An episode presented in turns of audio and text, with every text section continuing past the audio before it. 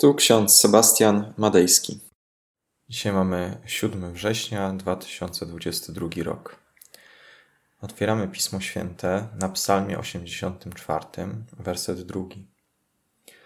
O jak miłe są przybytki Twoje, Panie zastępów. Ewangelia Mateusza, 18 rozdział, 20 werset. Gdzie są dwaj lub trzej zgromadzeni w imię moje, tam jestem pośród nich. W psalmie 84 znajdujemy słowa O jak miłe są przybytki Twoje, Panie zastępów. Jest to tłumaczenie Biblii Warszawskiej. W Biblii Ekumenicznej brzmi ten fragment tak. Jak miłe są Twoje mieszkania, Panie zastępów. Moja dusza tęskni i wzdycha do dziedzińców Pana. Moje serce i ciało radośnie wołają do Boga żywego. Nawet wróbel znajduje schronienie – a jaskółka gniazdo dla siebie, gdzie umieszcza pisklęta. Twoje ołtarze, Panie zastępów, Królu mój i Boże.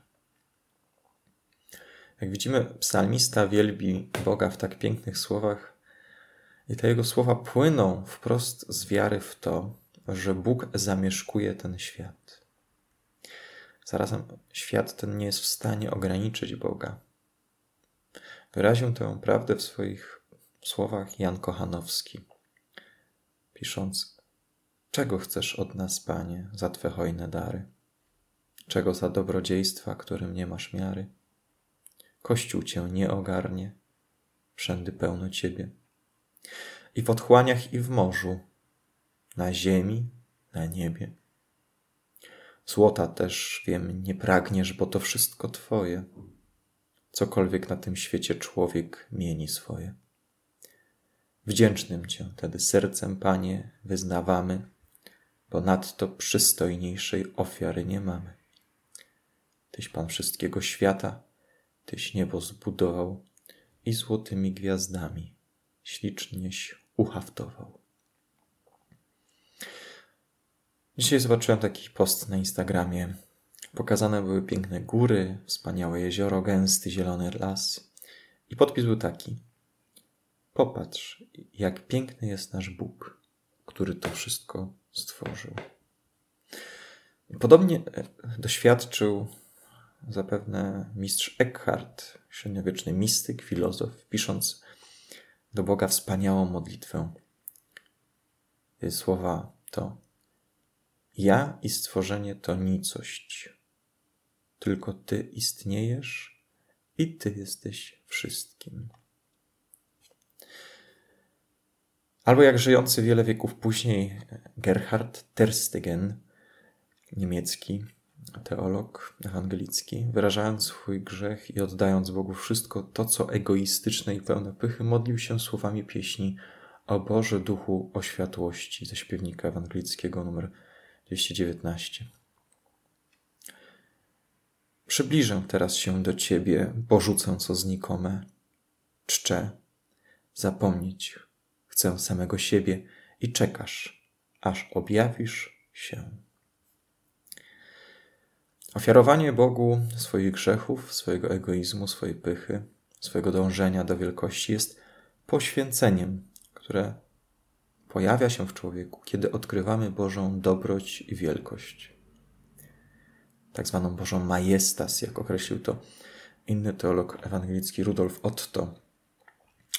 Bóg objawia się w Słowie Bożym, a dzięki Słowu Bożemu świat powstał i powstaje na nowo, pomimo naszych grzechów, naszego grzesznego działania.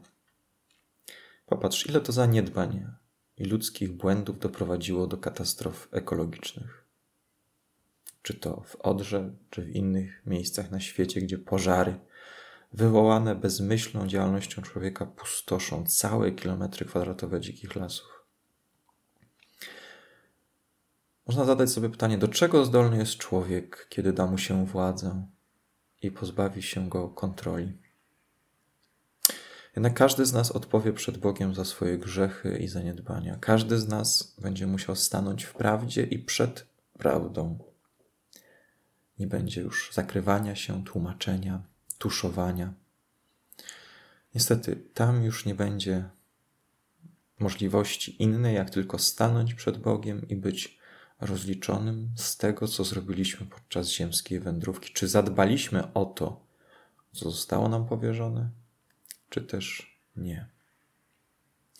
A powierzone zostało nam bardzo wiele, cały świat.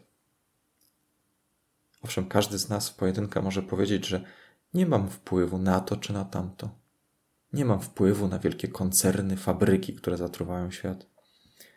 Jednak świat, jak widać, składa się z małych, drobnych decyzji. Nie pozwólmy sobie wmówić, że nie mamy wpływu, że nie mamy znaczenia. Ponieważ tam, gdzie dwóch lub trzech coś wspólnie zaczyna robić z czystą wiarą na rzecz dobra, tam jest obecny Bóg. Amen. Pomódlmy się słowami pieśni Jana Blasiusa. O Panie, zbuduj w nas świątynię. Swym światłem duszy naszej świeć.